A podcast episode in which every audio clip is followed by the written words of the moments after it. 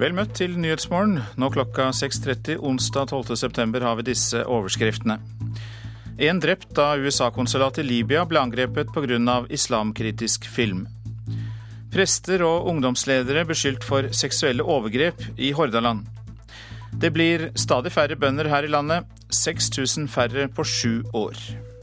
Det er en eh, trend som går feil retning. Det mest dramatiske er at mer og mer areal går ut av drift. En klarer ikke å øke matproduksjonen, sånn som myndighetene har sett mål. Nils T. Bjørke, leder i Norges Bondelag.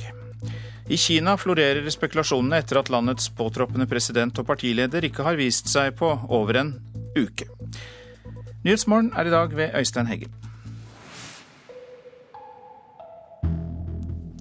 En amerikansk statsborger ble drept og en annen såret da militssoldater stormet det amerikanske konsulatet i Benghazi i Libya i går kveld og i natt.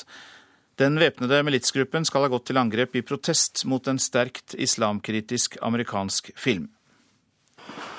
I ly av mørket angrep de det amerikanske konsulatet. Ifølge libyske myndigheter skal væpnede menn ha skutt i lufta før de tok seg inn i bygningen. Flere granater skal også ha blitt skutt mot konsulatet fra en gård like ved. Sikkerhetsstyrkene hadde ingenting å stille opp med.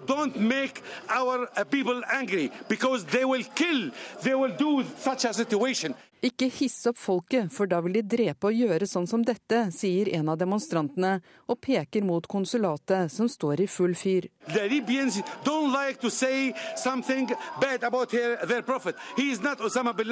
Libyere liker ikke at Mohammed henges ut. Han er ikke Osama bin Laden. Han er vår profet, sier han.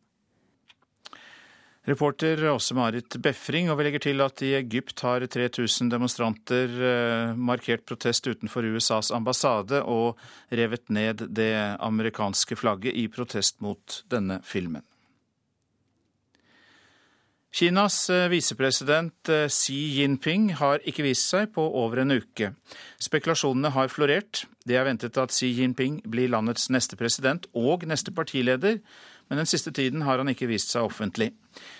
Og du er med oss, Asia-korrespondent Anders Magnus fra Beijing. Det ryktes eh, at han har fått slag. Eh, hva vet du mer om dette? Vi vet veldig lite, fordi eh, kinesiske myndigheter offentliggjør aldri noen ting når deres ledere er syke. De bare later som om ingenting har skjedd, så å si, og sier at vi følger vanlig prosedyre. På eh, internettet så går det masse rykter om at han skal ha fått slag. Det er, eh, men det er enda mer alvorlig at han skal ha vært skadet i en bilulykke hvor eh, hans politiske motstander skal ha prøvd å, å drepe ham. Det går andre rykter sier at han bare har forstrukket ryggen under en svømmetur eller har hatt et mindre hjerteproblem som han er innlagt på sykehus for. Uh, mens uh, det kan være at det ikke er helseproblemer i det hele tatt, men rett og slett uh, andre typer problemer som har gjort at han har, ikke har vært i, i søkelyset den siste uken. Ja, ja, det vi nærmest kan kalle et politisk virus? Absolutt. Eh, politiske virus er det mange her i Kina. Og akkurat nå er det snart eh, partikongress. Eh, partiet, kommunistpartiet har ennå ikke annonsert akkurat når det skal være, men vi tror det er i midten av oktober. Og da har kommunistlærerne fryktelig mye å gjøre, særlig med å posisjonere seg og forsøke å få plassert flest mulig av sine egne støttespillere i eh, det øverste organet i kommunistpartiet, som heter Politbyråets faste komité. Får man et flertall her blant sine støttespillere, så kan man gjøre mer enn hvis eh, dette organet blir fylt med folk som mener noe annet enn en selv. Men hvem er så denne mannen som da er tiltenkt Kinas mektigste jobb? Han er en av de såkalte prinsene i partiet. Dvs. Si at han er eh, sønn av en tidligere kommunistleder eh, som både var helt under eh, krigen mot japanerne og nasjonalistene, men også var fengslet av Mao under kulturrevolusjonen. Xi selv ble jo sendt på landsbygda for å jobbe hardt med bøndene.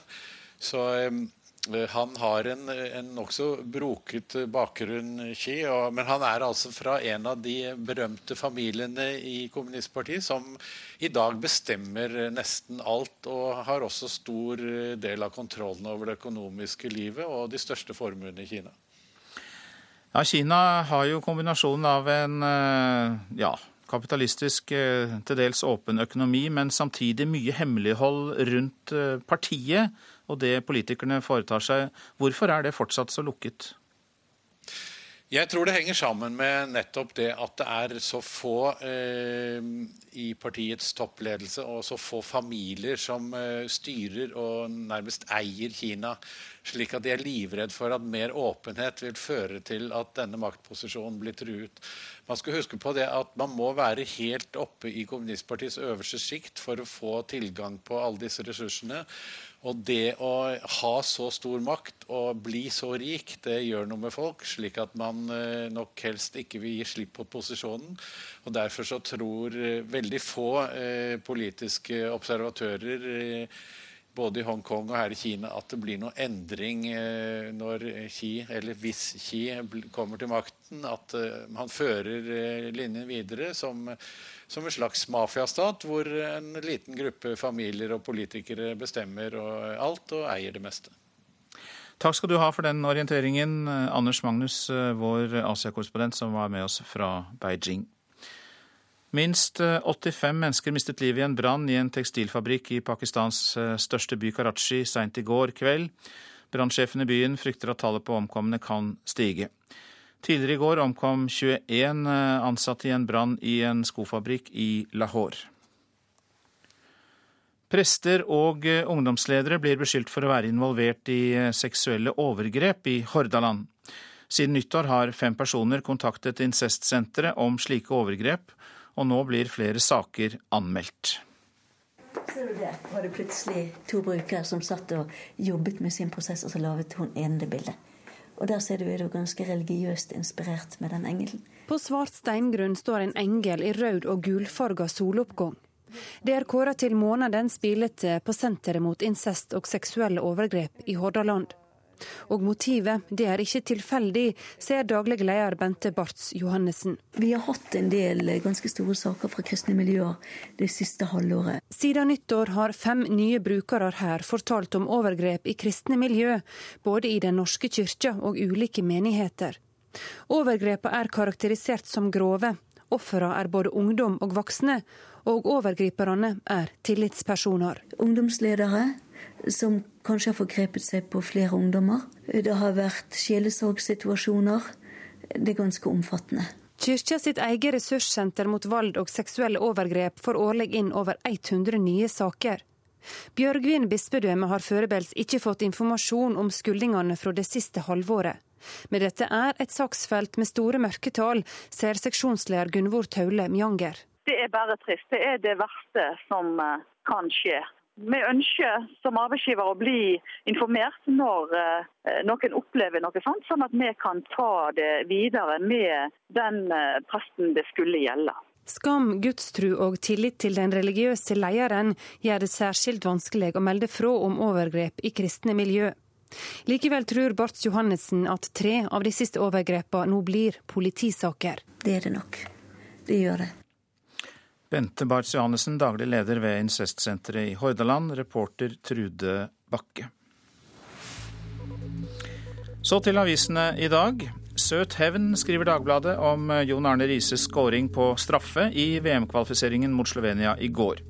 Det er veldig lenge siden jeg har vært så glad for en seier, sier Drillo. Det var Rises magiske kveld, skriver VG. Sportskommentator Truls Dæhlie, som kritiserte Riise etter kampen mot Island, sier han tok ansvar, gjorde det han kan best. Han gikk for kraft og dundret ballen i mål. Rekordbillige sydenboliger, skriver Aftenposten. 40 000 nordmenn vurderer å kjøpe bolig i utlandet. Prisen vil trolig falle mer og være lave lenge. I Spania har de falt med 30% til nå. La barna få oppleve Norge, er budskapet fra globetrotteren Jens Risnes i Vårt Land. Norske foreldre svikter sitt ansvar når de heller tar med barna til spanske strender enn til norske fjell og fjorder. Flere oljegiganter gjør comeback på norsk sokkel, kan vi lese i Finansavisen. Gigantene Exxon Mobil, Shell, BP, Chevron og 43 andre oljeselskaper kjemper om gullblokkene i den nye norske konsesjonsrunden i Barentshavet. Hvem skal fylle setene, spør Stavanger Aftenblad. Byens nye konserthus eh, åpnes til helgen, men kultursjef Rolf Nordås sier det blir en utfordring å fylle de 4500 setene i tiden framover. Har fått 150 millioner, men ingen flere politifolk, skriver Adresseavisen om Sør-Trøndelag. De ekstra millionene politiet i fylket har fått siden 2005, er gått til å ansette sivile som skal gjøre nye, pålagte politioppgaver. Rød-grønn styringskåthet blir angrepet av oljeminister Ola Borten Moe i Klassekampen. Sp-nestlederen mener at rød-grønn reguleringsiver baner vei for en Høyre-Frp-regjering. Sier farvel til krigen, er oppslaget i Dagsavisen. Norge trekker seg ut av Afghanistan, men krigen fortsetter.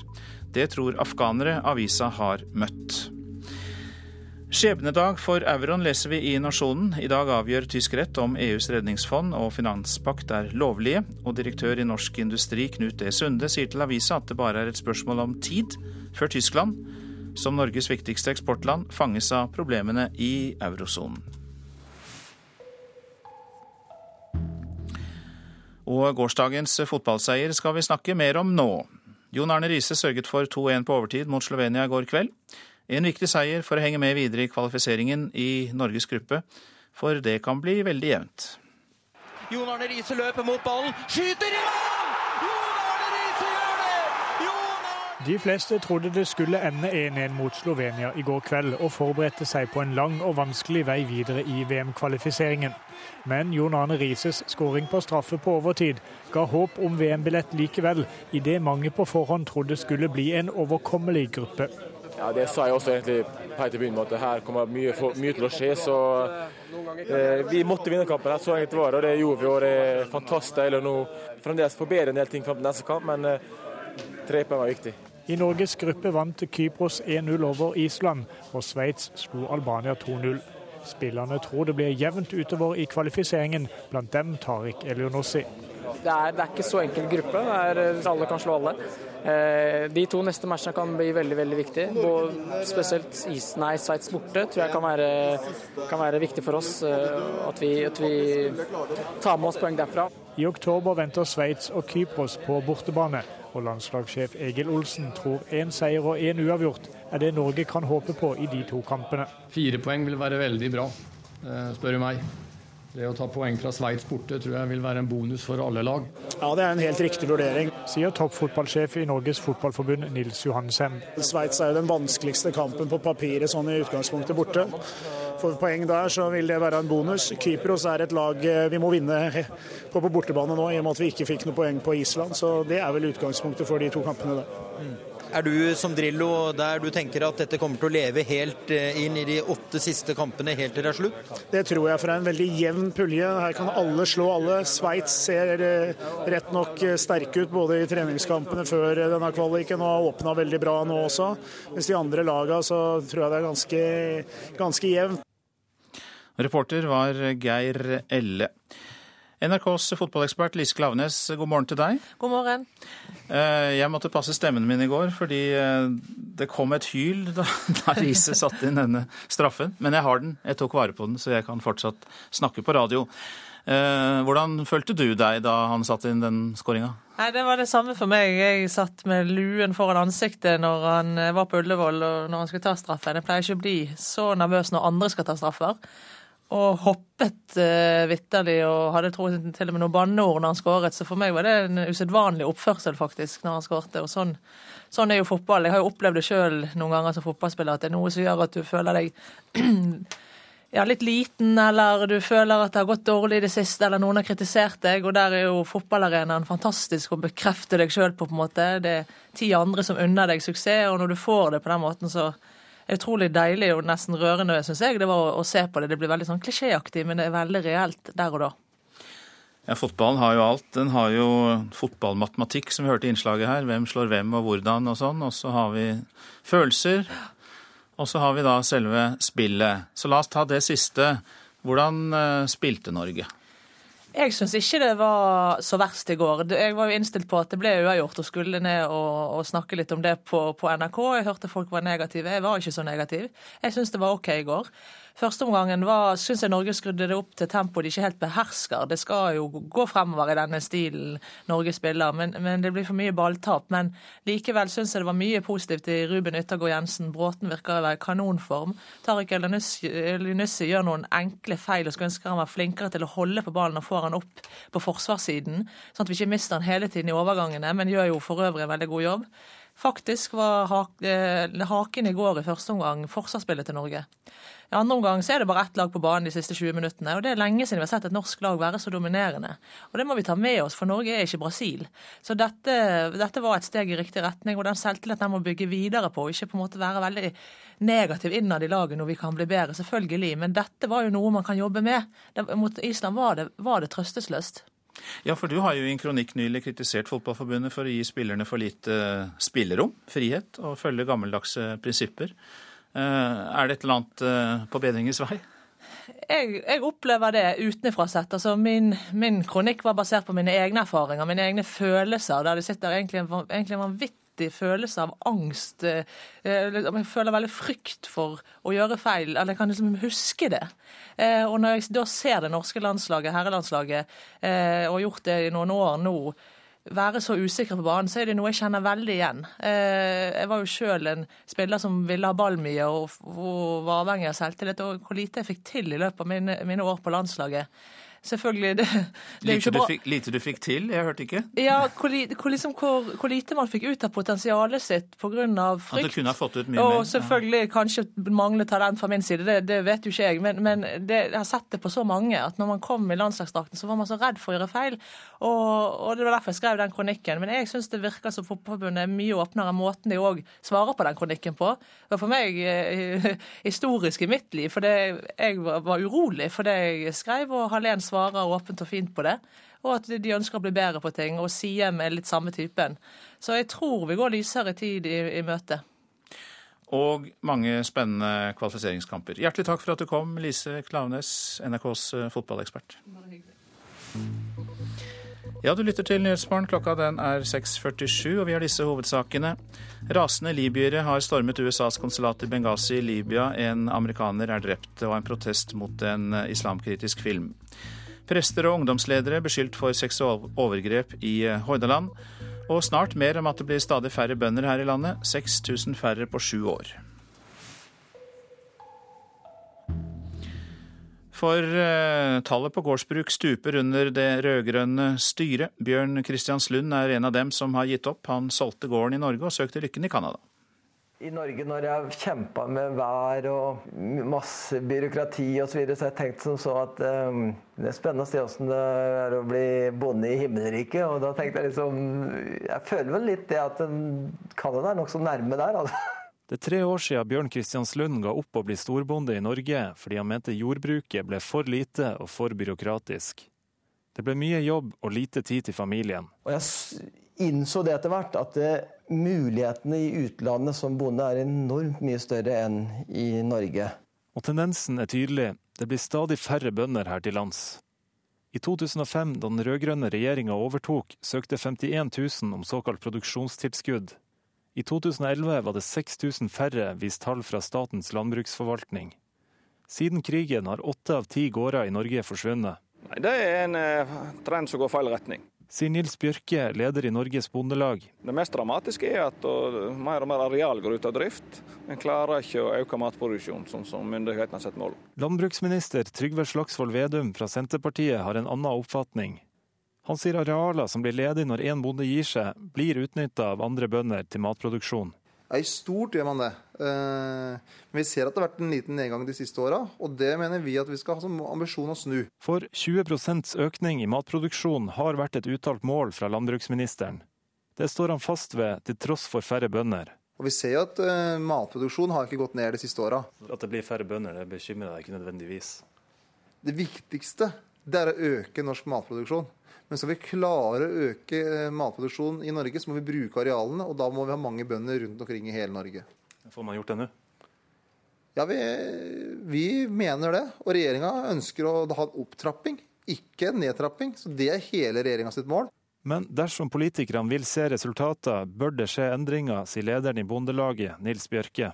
Jeg tror at dersom politikerne tar sine egne mål på alvor om at vi skal øke norsk matproduksjon, så må det styrke lønnsomheten. Og da må det lønne seg å produsere kvalitetsmat. Og da er den norske bonden klar til å øke matproduksjonen. Men det må komme en snuna fort.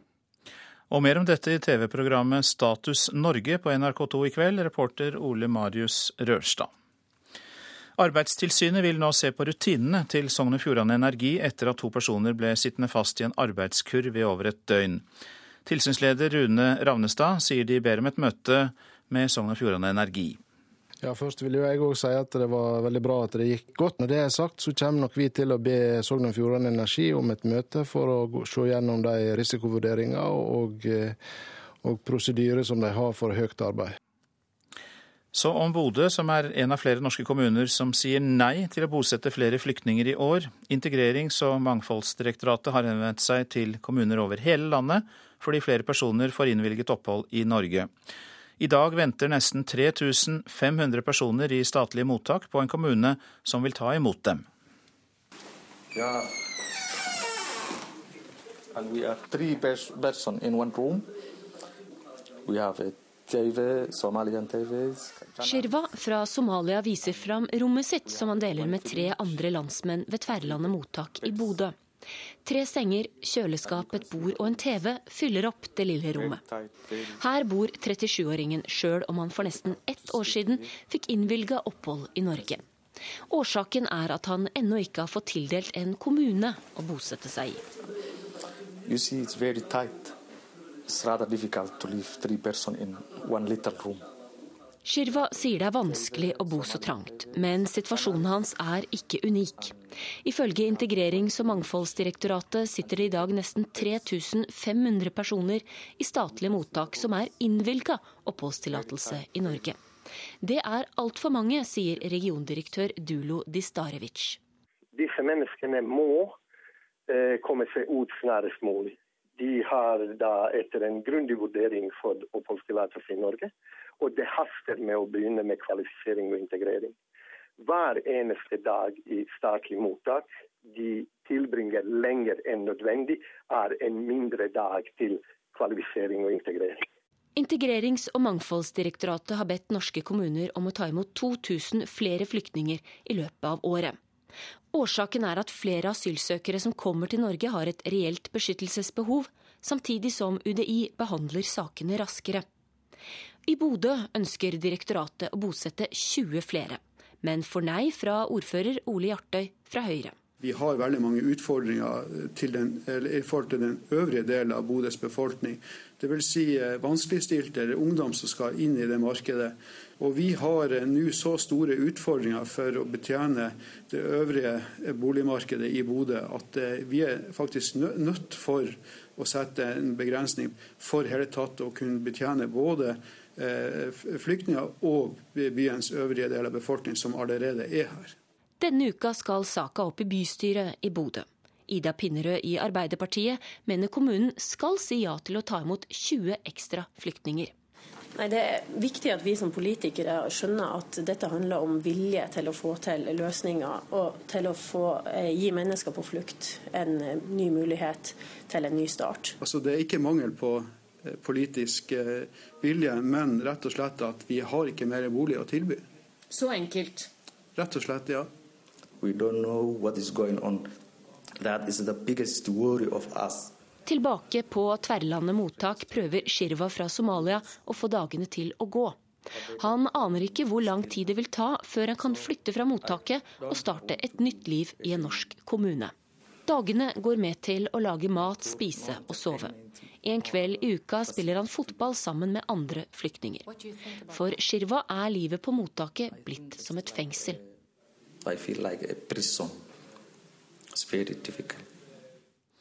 Reportasjen var laget av Kari Skeie. Norsk film produseres stadig oftere i utlandet. Det var uvanlig for få år siden, men i fjor var hver fjerde norske film helt eller delvis spilt inn i et annet land. At filmskaperne leter etter spesielle omgivelser kan være årsaken, men ofte er det at filmene blir billigere. Og da står norske filmarbeidere uten jobb. Den ble brukt i um, 'Tatt av kvinnen'. Da sto vel den i leiligheten til han uh, Trond Fausa Aurvåg. Kristine Bosenski viser fram en rekvisitt fra filmen 'Tatt av kvinnen', en lampe som hun har hjemme i stua i Oslo. Den erfarne rekvisitøren har jobbet på en rekke norske filmer, men nå er hun for første gang arbeidsledig. Jeg har ikke jobb på noen spillefilmer i høst, som jeg vet om. Og det er første gang i alle de årene siden, siden jeg ble frilanser i 2004, at jeg ikke har visst at jeg har en spillefilm eh, som jeg skal jobbe på. Det er ikke noe morsomt å tenke på, fordi man begynner å tenke sånn hva kan jeg gjøre isteden? Og ja, hva er alternativet mitt hvis jeg ikke har en jobb? Hun er ikke alene. Mange av dem som jobber bak kamera, med lyd, lys og kulisser, frykter arbeidsledighet framover. Stadig flere norske filmer spilles nemlig inn i andre land, med utenlandske filmarbeidere.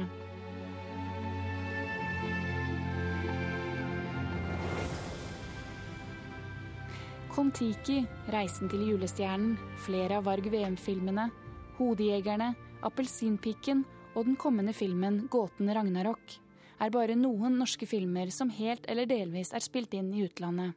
Aldri har så mange norske spillefilmer flagget ut. I 2008 og 2009 var det ingen. I fjor var det hele sju. Det er nærmere hver fjerde norske film. Utviklingen bekymrer Kristine Bosenski. Det blir ikke noen filmarbeider igjen hvis ikke man har produksjon. Filmforbundet ser en trend som rammer norske filmarbeidere, sier Terje Linn Bjørsvik, prosjektansvarlig for spillefilm. Ja, det er en fare, og den er jo helt uh, akutt.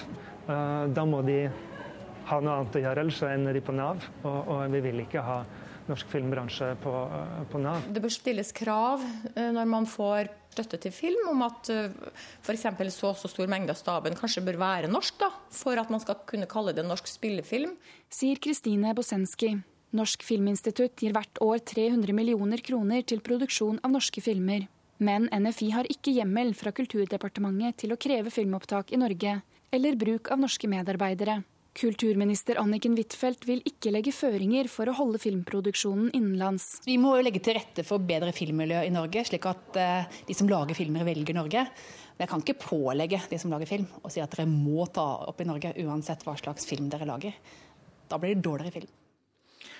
Reportere Ida Kvittingen og Mikael Olsen Lerøen.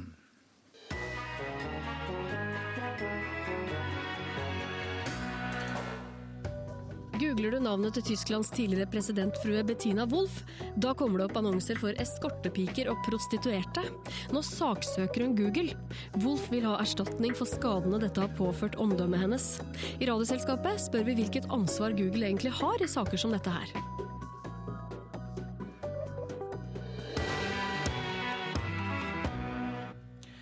Værvarselet kommer nå. Fjell i Sør-Norge. I vestlige fjellområder sørvestlig kuling i høyfjellet, noe minkende utover dagen. Noen regnbyger, snø over 1100 meter. I østlige områder opp til vestlig frisk bris i høyfjellet, for det meste opphold og perioder med sol. Østlandet får av og til liten kuling på kysten, for en stor del pent vær, men enkelte regnbyger mest i ettermiddag. Telemark får oppgi sørvestlig liten kuling på kysten, til dels pent vær, men fra seint i formiddag muligheter for enkelte regnbyger. Agder periodevis vest eller sørvest liten kuling på kysten. Noe sol kan det bli, men også enkelte regnbyger. Rogaland og Hordaland opp til sørvestlig, fra i ettermiddag vestlig og i kveld nordvestlig liten kuling. Regnbyger, snø i høyfjellet i Hordaland. Sogn og Fjordane og Møre og Romsdal. Sørvestlig stiv kuling, ved Stad opp til liten storm. I ettermiddag minkende til vestlig liten kuling sør for Stad, og i kveld dreier vinden nordvestlig. Nord for Stad ventes minking til vestlig kuling seint i kveld. Regnbyger, snø i høyfjellet, utrygt for torden. Trøndelag sørlig liten kuling, stort sett opphold. I ettermiddag øking til sørvestlig stiv kuling, regnbyger og snø i høyfjellet. Helgeland og Saltfjellet periodevis sørlig liten kuling på kysten og i fjellet. Etter hvert opphold og noe sol. Salten, Ofoten, Lofoten og Vesterålen. Regn mest i nord. Fra i ettermiddag opphold og noe sol.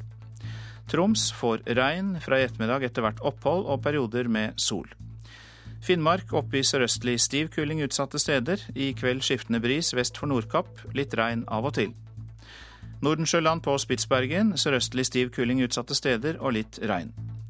Temperaturer målt klokka fem. Svalbard lufthavn seks, Kirkenes og Vardø ni, Alta 13, Tromsø-Langnes 14, Bodø 10, Brønnøysund 6. Trondheim og Molde 5, Bergen 7, Stavanger 9, Kristiansand 7, Gardermoen 5, Lillehammer 4. Røros er nede i minus 1, og Oslo-Blindern hadde pluss 5 klokka 5.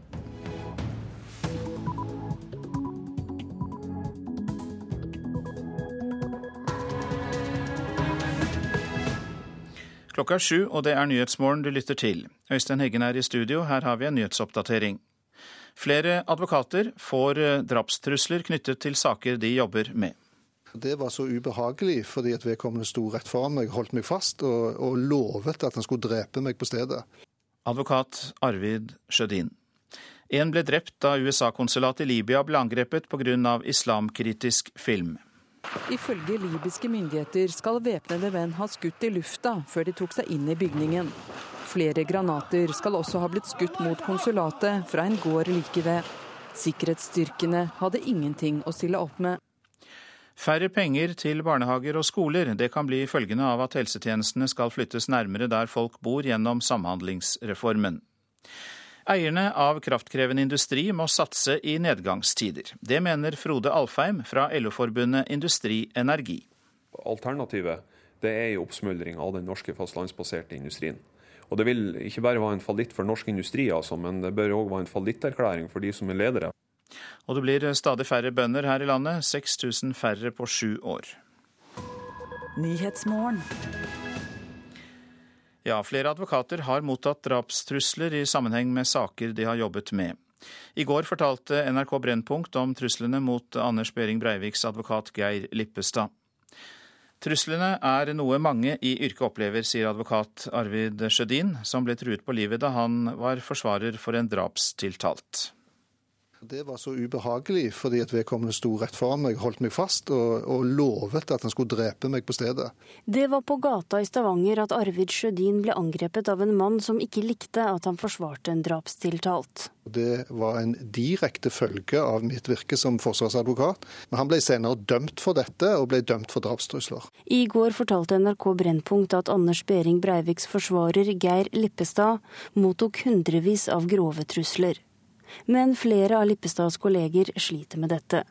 En kjent advokat fikk politibeskyttelse etter at politiet mottok trusler om at mannen skulle dukke opp naken og bakbundet med en kule i hodet. En annen advokat lever på hemmelig adresse pga. alvorlige trusler.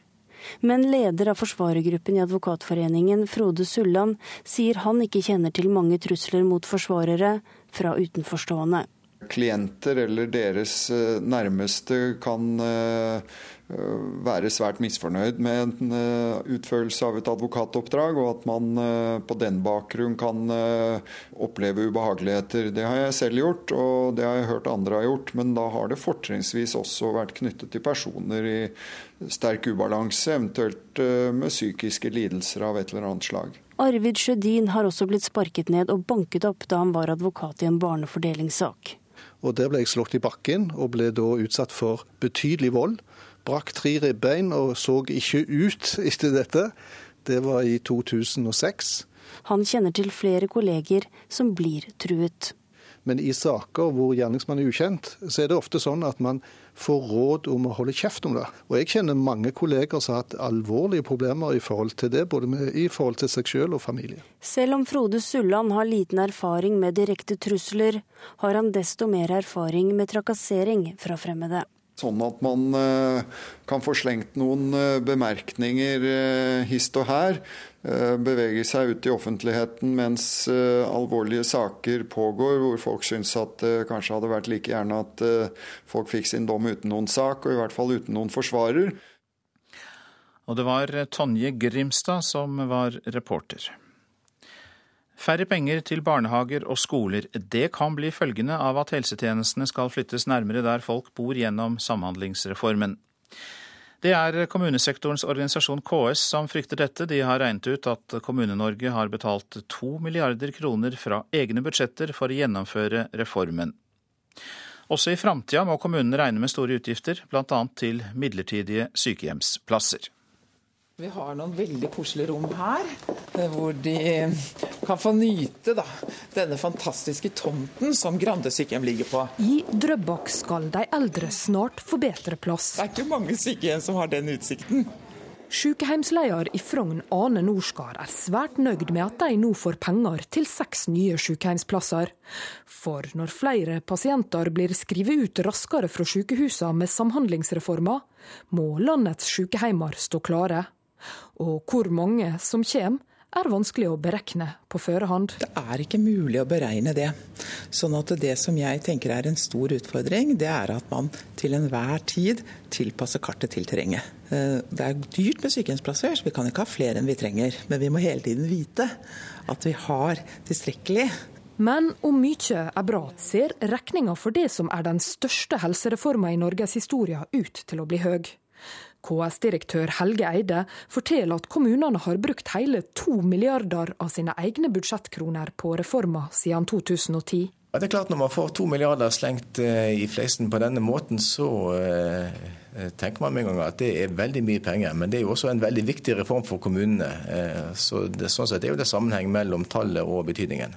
Også framover må kommunene strekke alt trange kommunebudsjett. KS-tall viser at kommunenes årlige driftsutgifter vil bli rundt 700 millioner kroner i året. Og da må mange kommuner knipe inn. De store tjenesteområdene er barnehage, det er skole og det er pleie- og omsorgstjenester. Så det vil jo, eh, som det har vært eneste år i kommunebudsjettene, være vanskelige prioriteringstiltak for å kunne hente ut penger til ting som da er enda viktigere, f.eks. utgiftene til Samhandlingsreformen. I Frogn skal de seks nye sykehjemsplassene stå klare på nyåret, forteller kommunalsjef Anne Margrethe Fletre. Men her som i andre kommuner er de villige til å snu hver krone for å gi innbyggerne en bedre helsehverdag. Selvfølgelig, penger er alltid en bekymring, men samtidig med det så, så, så, må vi hele veien da også jobbe og stå på i forhold til hva kan vi få ut av de, eh, av de midlene som vi har. Kommunalsjef i Frogn, Anne Margrethe Flettre. Reportere var Ellen Sporstøl og Katrin Hellesnes. Prester og eh, ungdomsledere blir beskyldt for å være involvert i seksuelle overgrep i Hordaland. Siden nyttår har fem personer kontaktet incestsenteret om slike overgrep, sier daglig leder Bente Barts Johannessen i Senter mot incest og seksuelle overgrep i Hordaland. Vi har hatt en del eh, ganske store saker fra kristne miljøer det siste halvåret. Og det er tøffe saker fordi at eh, det er i mange tilfeller tillitspersoner som forgriper seg. Og eh, man forventer kanskje annerledes i religiøse miljøer.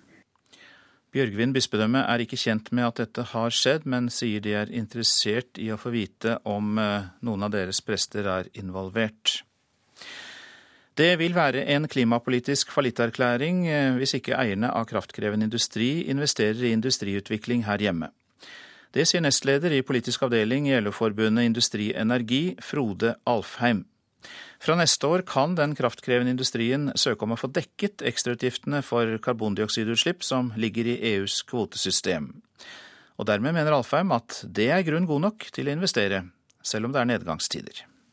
Nå har man levert, både i dialogen med oss og med regjeringa, og da er det på tide at de går til seg sjøl og gjør noen beslutninger i forhold til hva man ønsker å gjøre. Og de beslutningene bør helst være investering nå, sånn at man sikrer framtida for norsk fastlandsbasert industri. Regjeringa la i går fram ordninga som gjør at den kraftkrevende industrien fra neste sommer kan søke om å få slippe ekstrautgifter for CO2-utslipp som ligger i EU sitt kvotesystem. Nettopp fordi den er basert på vannkraft og er utslippsfri. Greide ikke å se mulighetene eh, når vi har fått på plass den siste byggesteinen. Så det er en fallitt ikke bare for oss og for eh, Industri-Norge, det er en fallitterklæring for norske eh, industrieiere. De ansatte ved Sør-Norge Aluminium på Husnes i Hordaland har vært uroa lenge. Det fortalte Ørjan Nordmann, hovedtillitsvalgt for Industri Energi, før regjeringa la fram ordninga i går. På Husnes så går vi nå på fjerde året med halv produksjon. Så situasjonen er veldig spent, siden vi bare har kraftavtaler til midt i desember i år. Kvotesystemet til EU har ført til høyere kraftpriser i Norge. Men nå er det igjen håp om nye kraftavtaler som skal sikre arbeidsplassene på Husnes. Han er jo selve symbolet på arbeidersamfunnet vårt. Det er jo, det er jo rallaren der han står. Han er en stolt, svær mann med slegga i hånda og driver i det andre. Årdal i Sogn og Fjordane har lange industritradisjoner, og virksomheten til Hydro Aluminium er tufta på vannkraft. Hovedverneombud i Årdal kjemiske fagforening, Hilmar Høel, er uroa over tapet av nesten 500 arbeidsplasser de siste åra, selv om en har langsiktige kraftavtaler. Det vil jo òg være viktig for oss å få et, eh, et, signal om det er sånn at Hydro skal ha rammevilkår for 30-50 år, men kun drive butikken sin for tre måneder i slengen. Og det, det er et poeng som jeg òg vil ha svar på i forhold til det som blir lagt til rette rent politisk for Hydro å drive i landet. For det, det er blitt gjort, helt klart. Men de er likevel positive til ei utvikling av aluminiumsvirksomheten i Årdal. Det sier leder av Årdal kjemiske fagforening, Bjørn Øvstetun. Det vil vel ikke være et land det vil være så gunstig å være, til, ja, være i når det gjelder aluminiumsproduksjon som Norge, når du ser litt fram i tid. Det er jo å stå gjennom disse årene her nå. og Tegnene fra Hydro-ledelsen er jo positive, da, men eh, nå er vi som sagt får vi håpe på bunnen av en bølgedal. Men, og den varer vel lenger enn det vi har vært vant til. Og innslaget var laget av Tone Gullaksen. Vi har med oss administrerende direktør i eh, Siva, Harald Kjelstad fra studio i eh, Trondheim. Og dere har jo som hovedoppgave å bidra til vekst og utvikling av næringslivet i distriktene. Og eh, som vi hørte, så har industrien i Norge møtt store utfordringer. Hva gjør dere for å hjelpe? Ja, Vi setter i gang en eh, rekke tiltak. For det første så får jo håpe Alfheim har rett i at eh, den reduksjonen, tilbakebetalinga av CO2-avgifter på vannkraft, vil hjelpe til at iallfall den kraftkrevende industrien kan få seg et løft. Men det er klart det er mange fastlandsindustrier nå som har det slitsomt. Vi har sett eh, de store nedleggelsene i solcelleindustrien eh, og i treforedlingsindustrien. Så det er mange samfunn som har store utfordringer. Eh, det blir satt i gang ulike tiltak på de ulike stedene for å få til ny virksomhet. Vi bruker mye det vi kaller industriinkubatorsatsing, altså det å prøve å få i gang nye bedrifter, hjelpe nye bedrifter i gang, rekruttere inn bedrifter fra andre miljøer som ser at det her er en verdifull kompetanse og en verdifull infrastruktur. Men det er klart det avhenger òg svært mye av eh, lokalsamfunnet. Eh, hvordan man greier å samle seg i lokalsamfunnet og vise fram kompetansen sin. Og eh, hvilke ildsjeler som på en måte klarer å få folk til å samhandle. Ja, men solceller skulle jo være framtida. Trevirke har vi jo masse av, likevel så lykkes ikke det. Har du noen eksempler på det som lykkes? Ja, vi har en rekke gode eksempler, heldigvis. Når vi ser på omstillingene som har skjedd f.eks. i Verdal de siste ti åra, eller på Raufoss, eller i møreindustrien så er det jo gode eksempler på hvordan en klarer å hele tida tilvenne seg til uh, nye markeder og nye muligheter og ta i bruk ny teknologi. Hva er det de produserer der? Ja, De produserer jo Klart eh, Raufoss produserer for hele verden. og Det er en rekke teknologiske produkter som uh, innenfor bilindustrien eksempelvis. Verdal har kanskje sin hovedproduksjon mot mot eh, offshoremarkedet, men eh, med en rekke andre bedrifter rundt i klynge som fungerer sammen.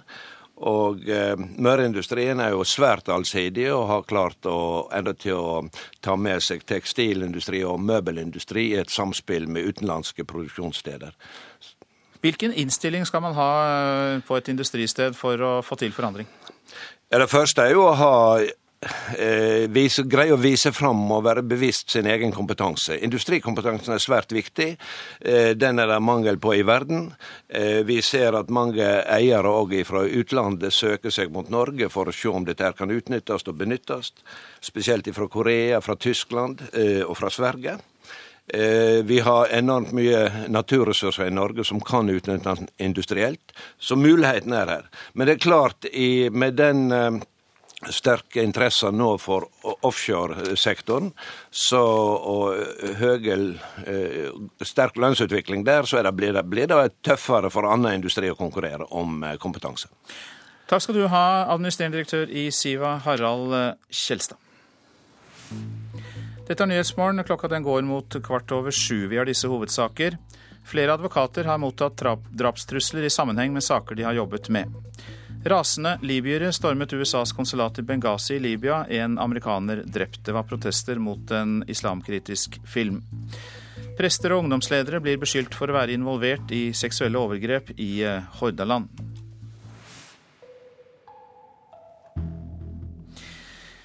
Ja, En eh, amerikansk statsborger ble drept og en annen ble såret da militssoldater stormet det amerikanske konsulatet i Benghazi i Libya i går. Den væpnede militsgruppen skal ha gått til angrep i protest mot en sterkt islamkritisk amerikansk film. I ly av mørket angrep de det amerikanske konsulatet. Ifølge libyske myndigheter skal væpnede menn ha skutt i lufta før de tok seg inn i bygningen. Flere granater skal ha blitt skutt mot konsulatet fra en gård like ved. Sikkerhetsstyrkene hadde ingenting å stille opp med. Uh,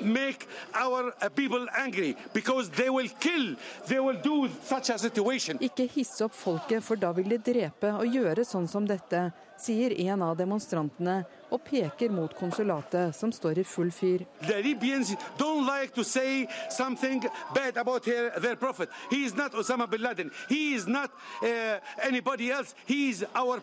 Libyere liker ikke at Mohammed henges ut. Han er ikke Osama bin Laden, han er vår profet, sier han. Bakgrunnen for angrepet skal være en islamkritisk film laget i USA. En trailer av filmen ligger på YouTube.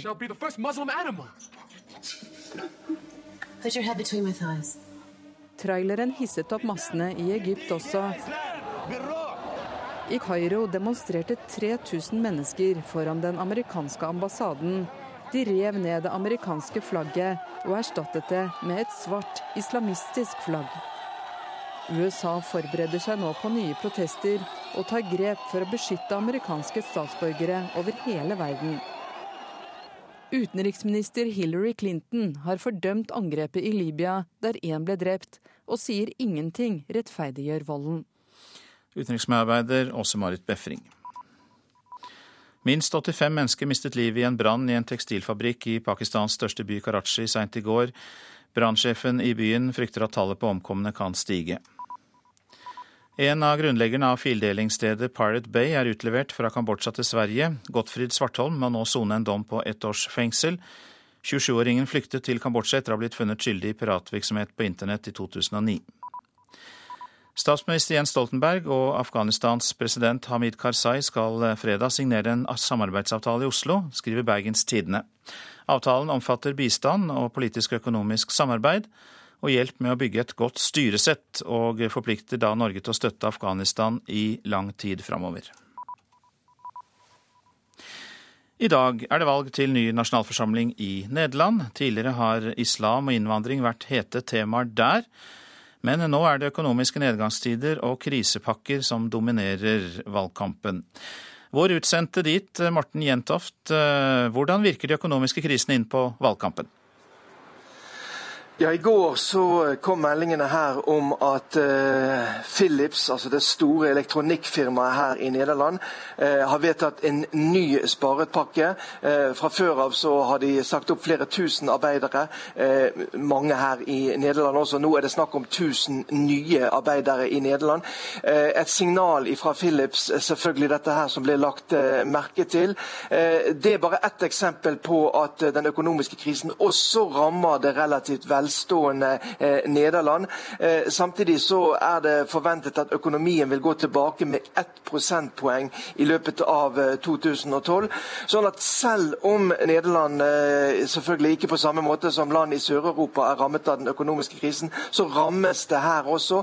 Og selvfølgelig er det et tema her at Nederland, som et av mange land i Nord-Europa, i likhet med bl.a. Tyskland, må være med på å betale inn til disse støttepakkene, som skal hindre at eh, eh, Portugal, Hellas, kanskje også Italia, eh, at økonomien der kollapser fullstendig, og at eurosamarbeidet bryter sammen.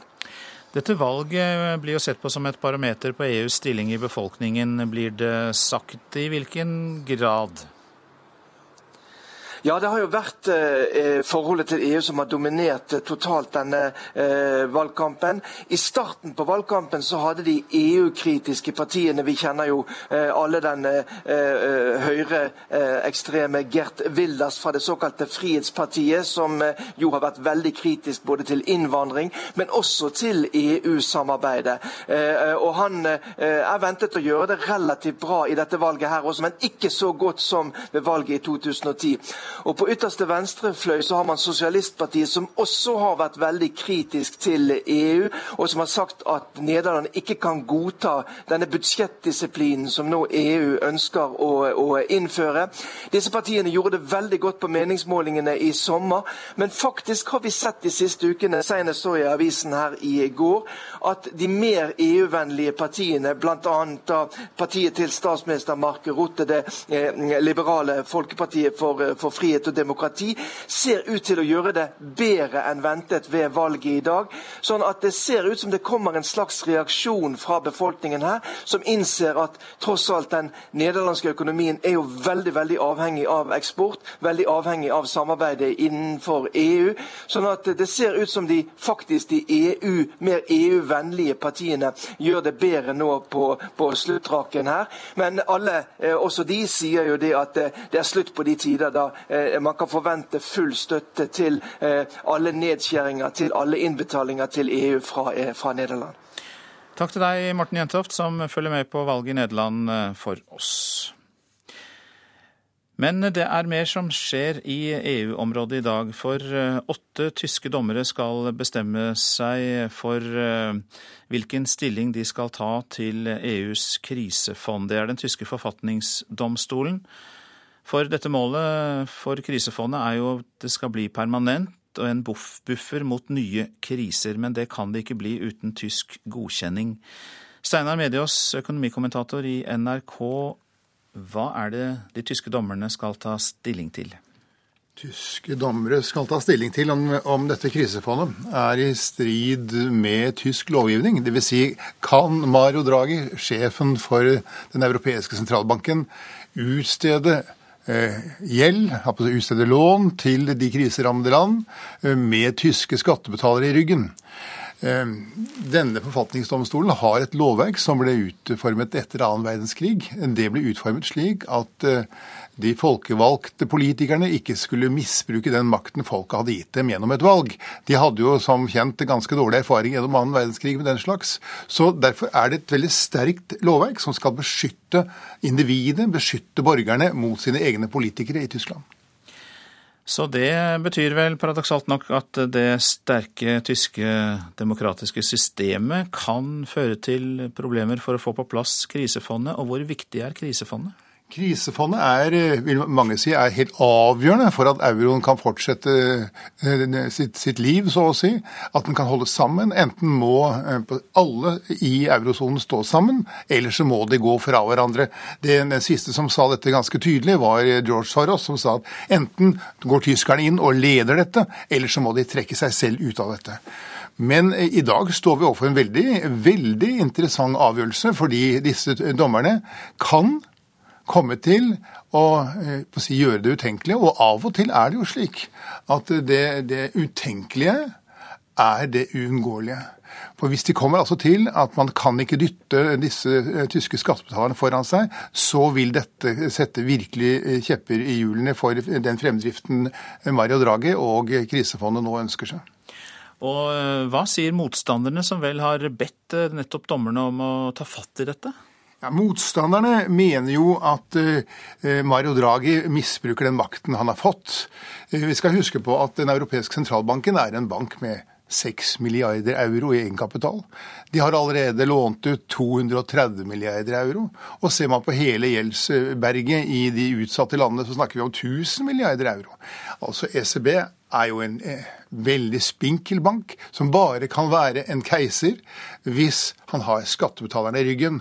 Og har han ikke skattebetalerne i ryggen, og ikke minst de tyske, så er virkelig Mario Draghi en keiser uten klær.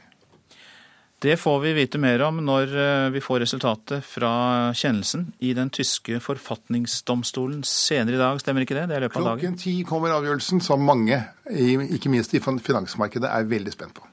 Sitter spent og venter på. Hjertelig takk for at du kom i studio, vår økonomikommentator Steinar Mediås. Så til det avisene skriver. Søt hevn, skriver Dagbladet om Jon Arne Rises skåring på straffe i VM-kvalifiseringen mot Slovenia i går. Det er veldig lenge siden jeg har vært så glad for en seier, sier Drillo. Det var Rises magiske kveld, skriver VG. Sportskommentator Truls Dæhlie, som kritiserte Riise etter tapet mot Island, sier at Riise tok ansvar, gjorde det han kan best, gikk for kraft og dundret ballen i mål. Rekordbillige sydenboliger, skriver Aftenposten. 40 000 nordmenn vurderer å kjøpe bolig i utlandet. Prisen vil trolig falle mer, og de vil være lave lenge. I Spania har de falt med 30% til nå.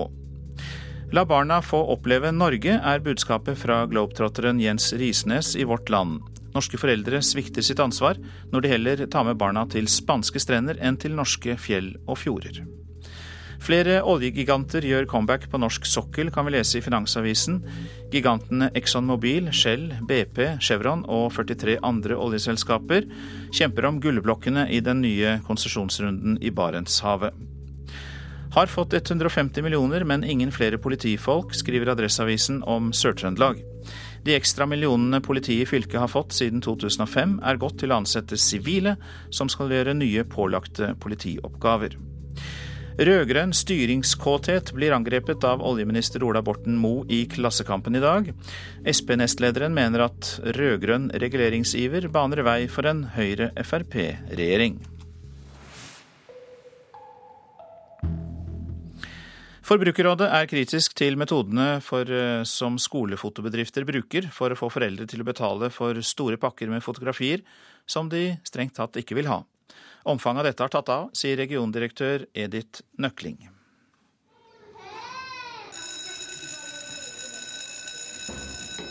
Nytt skoleår, kanskje ny klasse og ny skole.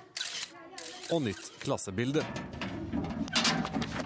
Før du vet ordet av det, har du postkassen full av klassebilder og portretter i alle størrelser av den håpefulle. Og plutselig er fristen for å returnere bildene ute.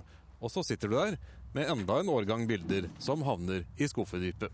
Ja, når jeg hørte du skulle komme og snakke med meg om dette, så gikk jeg inn og, og, i en skuff, og der fant jeg eh, faktisk ganske mange bilder som jeg aldri egentlig har sett at jeg har hatt bruk for, men som ligger hos lenge. Vi er hjemme hos Edith Nøkling, mor til to tenåringer, men også regiondirektør i Forbrukerrådet, som stadig får henvendelser fra foreldre som er misfornøyd med metodene enkelte firma bruker i forbindelse med skolefotografering. Vi, både i Forbrukerrådet, men òg jeg som tenåringsmor, har òg fått en del sånne pakker i posten posten. Det som jeg tenker kan være litt betenkelig, det er mm, hvis det lages rutiner som, sånn at det blir vanskelig å avbestille den store pakken og bare ta de bildene du vil ha. Da kan bære preg av litt sånn negativt salg. Noen av skolefotografene sender med elevene et brukernavn og passord til sine nettsider. Men benytter man seg av det og logger seg inn for å se bildene, binder man seg samtidig til å få dem sendt hjem i posten. Dette er betenkelig, mener regiondirektøren i Forbrukerrådet, og særlig dersom det er barna som logger seg inn. Ja, Det mener jeg at vi som foreldre ikke skal akseptere. Og vi skal være klar over at barn har ikke lov til å inngå mm, økonomiske avtaler. De har ikke lov å ta på seg sånne forpliktelser. Så ligger det riktignok en advarsel inne når ungene logger seg på eh, at de må være over 18 år. Jeg syns allikevel det er litt sånn betenkelig eh, hvis det skulle være sånn at uh, mine unger, jenter på 13 år f.eks., kan, kan logge seg på, og så vips må jeg betale 1000 kroner. Men den kritikken er ikke kommunikasjonsdirektør hos skolefotografen Fovea, Camilla Monberg, enig i. Det som er viktig, er at det er ingen foreldre som får bilder hjem i postkassen hvis de ikke har vært aktivt inne med brukernavn passord som de har fått i brevs form i forkant av fotodagen og logget seg på hjemmesiden vår. I all vår informasjon så står det at du må være over 18 år for å gå inn med brukernavn og passord for å få bildene hjemsendt. Eigane skole i Stavanger tar nå hele den tradisjonelle ordningen med skolefotografering opp til vurdering. Inspektør Colin Pritchett Davies ønsker seg nye løsninger. Og Da ser vi at en ren nettløsning, hvor en da Eh, bestiller på nettet og får akkurat det en vil, at det er det beste. Reportere Øystein Otterdal og Inger Johanne Stenberg. Etter Dagsnytt skal vi høre om museet som skulle minnes terroren i USA 11.9.2001. Åpningen er utsatt nok en gang etter strid om både penger og innhold. Prosent for Nyhetsmorgen Ulf Tannes Fjell, her i studio Øystein Heggen.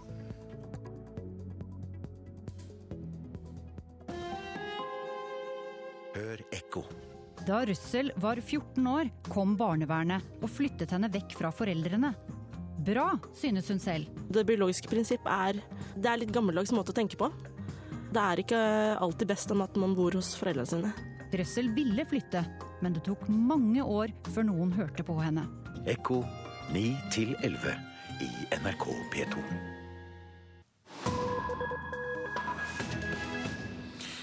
Og for at du skal være helt sikker på det, dette er NRK, og det er Nyhetsmorgen. Vi fortsetter i New York. I går ble elleveårsdagen for terrorangrepene mot USA markert. Museet i Minneparken ved World Trade Center skulle etter planen ha åpnet i går. Men strid om både penger og hva museet skal inneholde, gjør at åpningen blir utsatt nok en gang. David Scott Agnes. Navnene på de nær 3000 som mistet livet i New York 11.9 leses opp. Hvert år er dette den viktigste delen av minnemarkeringen for terrorangrepene. I fjor åpnet minneparken på Ground Zero, der to kvadratiske fossefall er reist der tvillingtårnene sto. Navnene til dem som omkom, er risset inn i den svarte steinen i strukturene rundt. Fire millioner mennesker har besøkt parken dette første året alene. Men minnesmerket er stadig ikke komplett. Jeg synes det er flaut, sier Monica Aiken, som mistet mannen sin 11.9.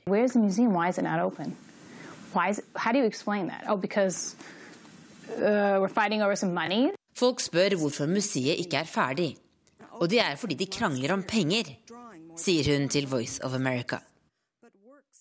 For 11. september-museet, som norske Snøhetta har tegnet deler av, er utsatt nok en gang. Byggingen stanset pga. en krangel mellom stiftelsen som driver minnesmerket, og New Yorks havn, som eier tomten. Havnemyndighetene mener stiftelsen skylder 1,8 milliarder kroner, som utgjør deler av overskridelsene for prosjektet. I et hastemøte på mandag ble imidlertid guvernøren i New York og borgermester Michael Bloomberg, som leder stiftelsen, enige om et forlik for å forhindre at årsmarkeringen skulle bli rammet av skandale. I dag fortsetter dermed ferdigstillelsen av museet. Men stridighetene stopper ikke med det. One of the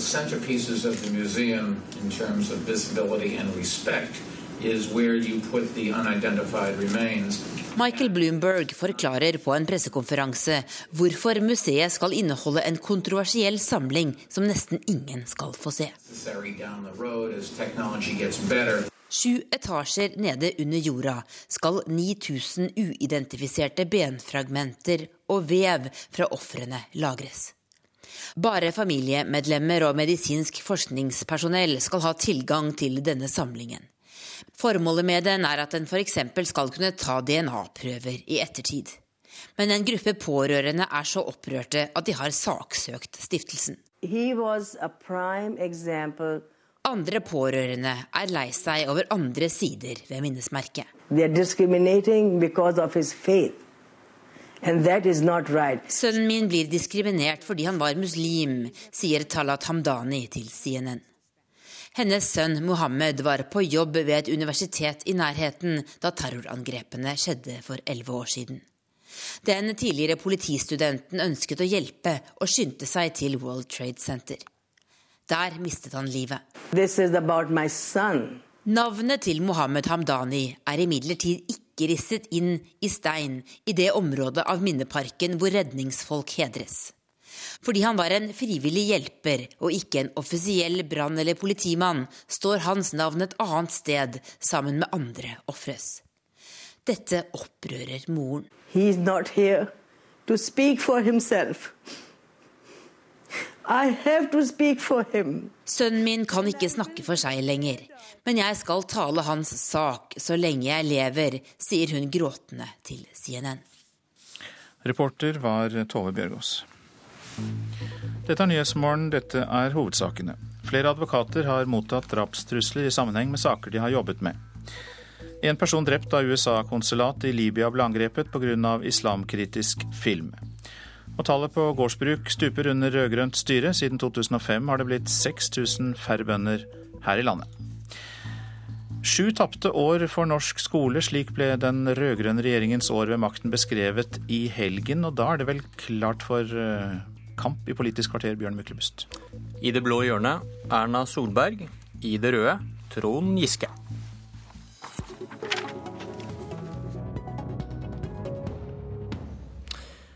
Og noen vil nok føle det som et slag under beltestedet, Høyre-leder Erna Solberg, når du i helgen sa at syv rød-grønne år, det er syv tapte år for norske elever. Veldig harde ord. Ja, jeg sa det var syv tapte år for å kunne satse på lærerne, og så sa jeg det var syv tapte år for de svakeste elevene, etter at jeg hadde gått igjennom på hvilke punkter jeg mener lærer, eh, dagens regjering har sviktet når det gjelder å virkelig satse på etter- og videreutdanning av lærere, løfte det som er det viktigste i norsk skole, nemlig den gode, kompetente læreren som virkelig klarer å formidle og engasjere i klasserommet. Du snakket i 40 minutter om norsk skole uten å peke på at det har skjedd noe positivt i norsk skole de siste sju årene, bortsett fra i Høyre-kommuner, da? Ja, dette var jo en tale om hvorfor Høyre-politikere skulle satse på gode tiltak i kommunen. Det var hovedhensikten med den talen. Men det var ikke en veldig raus tale? Jeg mener at det var en tale som var viktig i forhold til å løfte den kunnskapen som, eh, som skal ut i skolene. Og jeg pekte på veldig mange gode tiltak som gjøres rundt omkring kommunene, som våre kommunepolitikere skal lære av. F.eks. at eh, når det gjelder dyslektikere, så har både Tromsø og Seljord gjort en stor innsats, og får ros fra, fra Dysleksiforbundet for den innsatsen de har for å avdekke det. Og så viste jeg til noen konfliktområder som har vært mellom høyrestyrte kommuner og regjeringen, hvor altså høyrestyrte kommuner ønsker en mer dynamisk, mer fremtidsrettet skolepolitikk, større frihet til å satse på kunnskapen, og få nei, nei, nei fra regjeringen. Du er opptatt av kunnskap. Kan du, kan du dokumentere at det går nedover med kunnskapen i norsk skole? Nei, det gjør det ikke. Det går oppover med kunnskapen i norsk skole. Det har gått så godt at vi for øyeblikket nå er på det nivået vi hadde krisestemning på i 2001.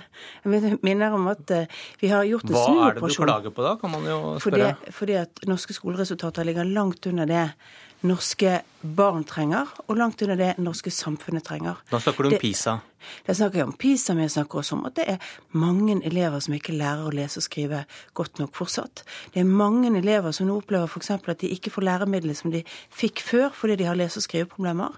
Det er mange elever som sliter med grunnleggende ting og ikke får en skole som er god nok, fordi at den læreren som står i klasserommet, ikke er kompetent nok til å gi undervisningen i det faget som de underviser i. Men én ting før vi slipper til din motpart her. Den siste PISA-rapporten de kom jo hvert tredje år i, i 2009. Den viste vel en svak framgang fra 2006, hvor vel dere har medansvar, siden dere styrte til 2005. Så Ja, igjen. Men i skole er det langsiktig. I skole ser du resultatene etter tiår. Eh, Jeg mener jo at det som Men da er det ikke så lett å være så hard i klypa som du er i Ja, talene dine, er det det da? Jeg bare har klippen på de punktene som var veldig konkrete i den talen. Og jeg mener at når regjeringen ikke har løftet nivået, til tross for at vi har over 300 milliarder kroner mer Har de ikke løftet nivået? PISA 2009, Løftet- svak framgang. la meg snakke ut. Ikke løftet nivået på etter- og videreutdanningen av lærere, til tross for at de hver gang jeg er i debatt sier at læreren er det viktigste, så fortsetter de med det nivået som vi la på i vår regjeringstid, med altså 300 milliarder kroner mindre på statsbudsjettene enn det de er i dag. Når de altså kutter for dyslektikere i små penger, som gjør at mange opplever at det er vanskeligere, og når de ikke har tillit til at skolepolitikere som lå foran Kunnskapsløftet, løftet skolen fremover, fortsatt skal ha frihet til å disponere midlene, sånn at de kan satse der det er viktigst, sånn som f.eks. med leksehjelp, ja, vet du hva, da syns jeg ikke at regjeringen skal rose seg så mye av de resultatene. Vi har en historielærer til her med alternativ pedagogikk. Trond Giske, du skal lage skolepolitikken Arbeiderpartiet skal gå til valg med. Følte du dette som et slag under beltestedet? Nei, Jeg tror det er den type politikerretorikk som folk blir litt oppgitt eh, over. Eh, Det finnes helt sikkert gode ting i Høyres skolepolitikk, men selvsagt er det gjort også veldig mye bra for norsk skole de sju årene vi har styrt. Jeg tror ikke folk tror på den type retorikk. og skulle ønske at Høyre snakka mer om sin egen politikk enn bare å rakke ned på eh, vi som sitter og styrer nå. Eh, og eh, dette med at lærerne er viktigst, det er jo det vi har bygd på. Det er jo derfor nå søkninga til lærerutdanninga har steget med 50% siden 2008. Det er derfor vi har lagt om hele lærerutdanninga slik at vi, vi spesialiserer lærerne bedre. Det er derfor vi sørger for at kommunene har bedre råd, så at man kan følge opp lærerne med mer etter- og videreutdanning, få mer tid med elevene, og ikke minst møte elevene mye sterkere i begynnelsen av skoleløpet. Vi snakker veldig mye om frafall i ungdomsskolen, frafall i videregående skole, men dette begynner i førsteklassen. Så hvis elevene tas ordentlig vare på fra begynnelsen, som vi har gjort, med flere timer, med leksehjelp, med oppfølging, med styrka kompetanse blant lærerne på lesing, så lykkes vi. Men da er det ett poeng som er utrolig viktig, og det er at kvalitet i skolen koster. Vi får ingen Eh, kvalitet med en billigskole. Og Det er der eh, vi ser forskjellen på en rød-grønn politikk og en høyrepolitikk mest av alt. Da Erna Solberg sjøl var kommunalminister i fire år, så var det nullvekst i sysselsetting av kommunene. Det var trange tider i mange kommuner. Nå har vi altså hatt en rekordvekst i økonomien til dem som betaler norsk skole, nemlig de 430 kommunene rundt i landet. Jeg plaget Solberg litt med, før hun får slippe til, da, med, med hvor vanskelig det eventuelt er å dokumentere at dere har gjort en, en, dårlig jobb i forhold til kunnskap, som vi snakker om da. I hvilken grad kan du dokumentere at norske elever har blitt flinkere siden dere overtok? Ja, Det er jo f.eks. PISA-undersøkelsen, som er en uh, internasjonal undersøkelse. Uh, der uh, var jo jeg utdanningsminister i 2000. Da begynte vi med disse testene. I 2003, etter to år med Clemet, så gikk vi litt ned. Etter 2006 Eh, etter fem år, eller fire år da, med eh, Høyre-styre, så gikk vi kraftig ned på PISA-undersøkelsen. Og nå er vi da tilbake litt over det nivået vi var i 2000. Så hvis det var noen tapte år, i hvert fall i forhold til PISA-undersøkelsen, så var det altså disse årene da eh, Clemet og Solberg styrte. Venter vi på den endelige dommen nå? PISA 2012? Ja, jeg mener at det er viktig at vi deltar i disse eh, undersøkelsene. Men mest av alt mener jeg at det er viktig at vi tidlig i skoleløpet teste alle nye elever, ikke for å rangere dem eller sortere dem, som eh, Høyre av og til foreslår, eh, med ulike klasser etter nivå, men for å gi hver eneste en den hjelpa, den oppfølginga, den assistansen de trenger tidlig. Hvis du må gå helt til tredjeklassen uten å ha lært deg å lese ordentlig, da har du tapt mye tid. Du har fått dårlig mestringsfølelse, og du har også lidd i andre fag. Det er den innsatsen vi gjør, men den innsatsen koster penger, og det er der eh, en høyrepolitikk skorter mest av alt. Du har ikke råd til en god skole, du, Erna Solberg? Vi foreslår over en milliard mer i hvert eneste alternativt budsjett til skole, utdanning, kunnskap. Det er en satsing for oss i våre budsjetter. Vi løftet etter- og videreutdanning av lærere når vi satt i regjering, til et nivå det aldri hadde vært på før. Etter den tiden har regjeringen ikke lagt på mer penger, men vi har foreslått også å doble innsatsen, fordi at norske lærere som er i skolen i dag, de trenger det påfyllet det er å få bedre fordypning i faget, få modernisert undervisningen sin. Og det kan ikke være sånn som med dagens regjeringsopplegg, at det tar 28 år før du får et videreutdanningsopplegg eh, som lærer. Det tar altså i snitt beregnet på det nivået vi har ligget på opp til nå, så vil det ta mellom 25 og 28 år. Vi har altså ønsket å doble dette. Det er den viktigste faktoren. Men, så la meg si en ting om den talen min. Bare si en ting. Den handlet mest om Høyres politikk ja. og minst om regjeringspolitikk.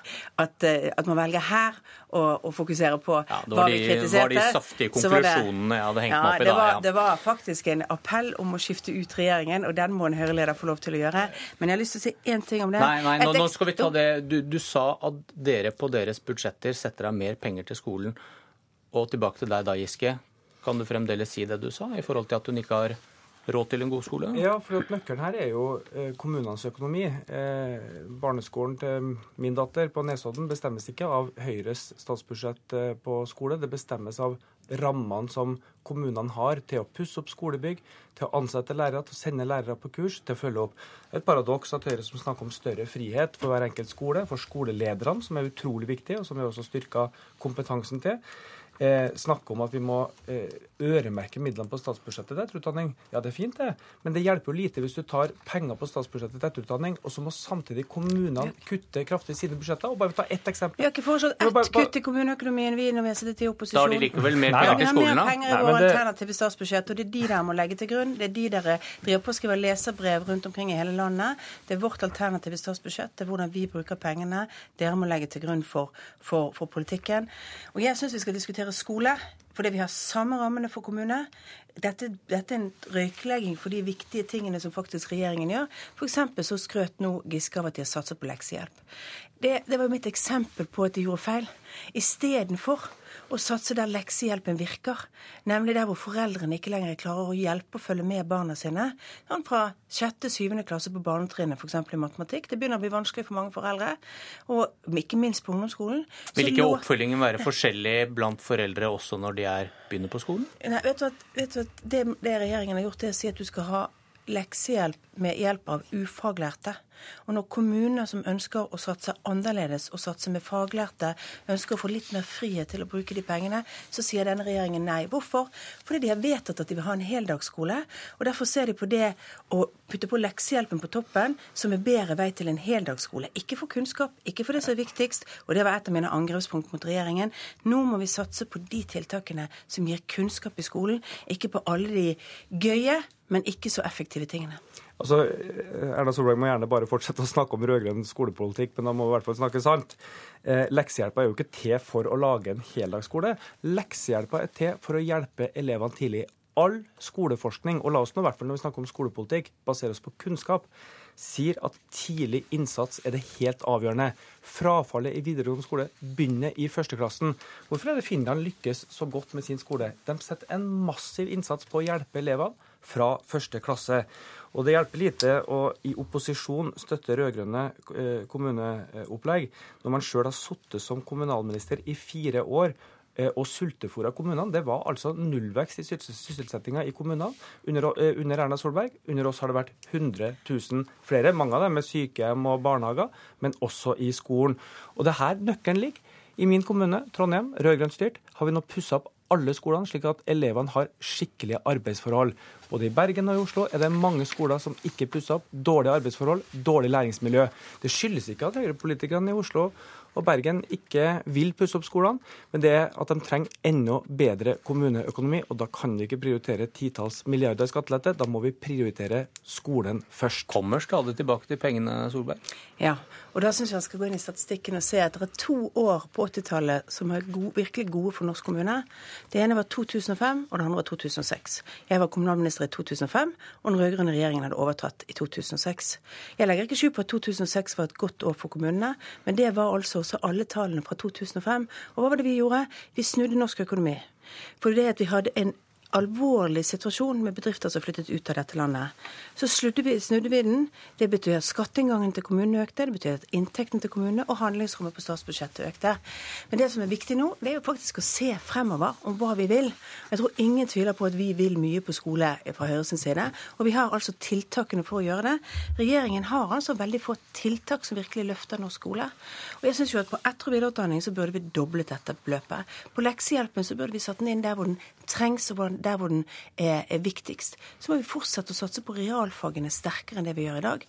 Og så er det en veldig stor utfordring at selv om det er flere som søker til lærerutdanningen, så er det færre som blir utdannet lærere i Norge. Det skjer også for øyeblikket. Hvorfor det? Jo, fordi at inntakskravene bør bli høyere, sånn at vi satser på flere dyktige lærere som faktisk tåler det kunnskapspresset vi også skal ha gjennom en utdanning av lærere. Giske, du har sagt at eh, Arbeiderpartiet gjerne tar over Kunnskapsdepartementet hvis anledningen byr seg. Du skal nå utforme Arbeiderpartiets skolepolitikk. og hva er det viktigste grepet eh, Arbeiderpartiet skal eh, gå til valg på? Jeg tror For det første er det tidlig innsats. At elevene hjelpes eh, tidlig. At du sørger for at folk ikke går, ungene ikke går mange år uten å oppleve mestring.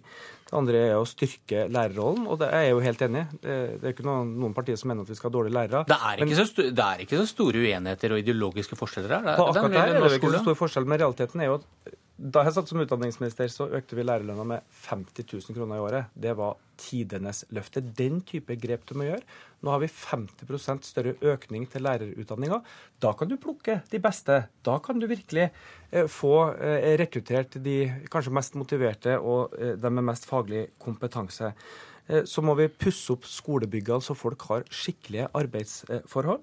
Og så må vi ikke minst, og her er den store ideologiske diskusjonen, si nei til Høyre og FrPs storstilte privatisering av norsk skole. Eh, den rekker vi ikke Nei, den rekker vi ikke. Og det er den store skillelinja. Vi må slå ring om fellesskolen.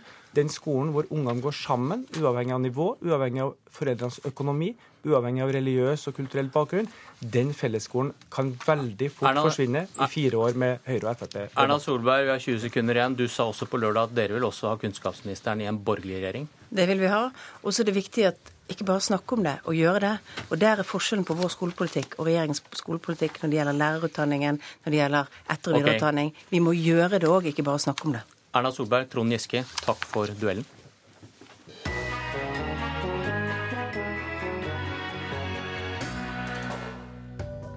Googler du navnet til Tysklands tidligere presidentfrue Bettina Wolff, da kommer det opp annonser for eskortepiker og prostituerte. Nå saksøker hun Google. Wolff vil ha erstatning for skadene dette har påført omdømmet hennes. I Radioselskapet spør vi hvilket ansvar Google egentlig har i saker som dette her.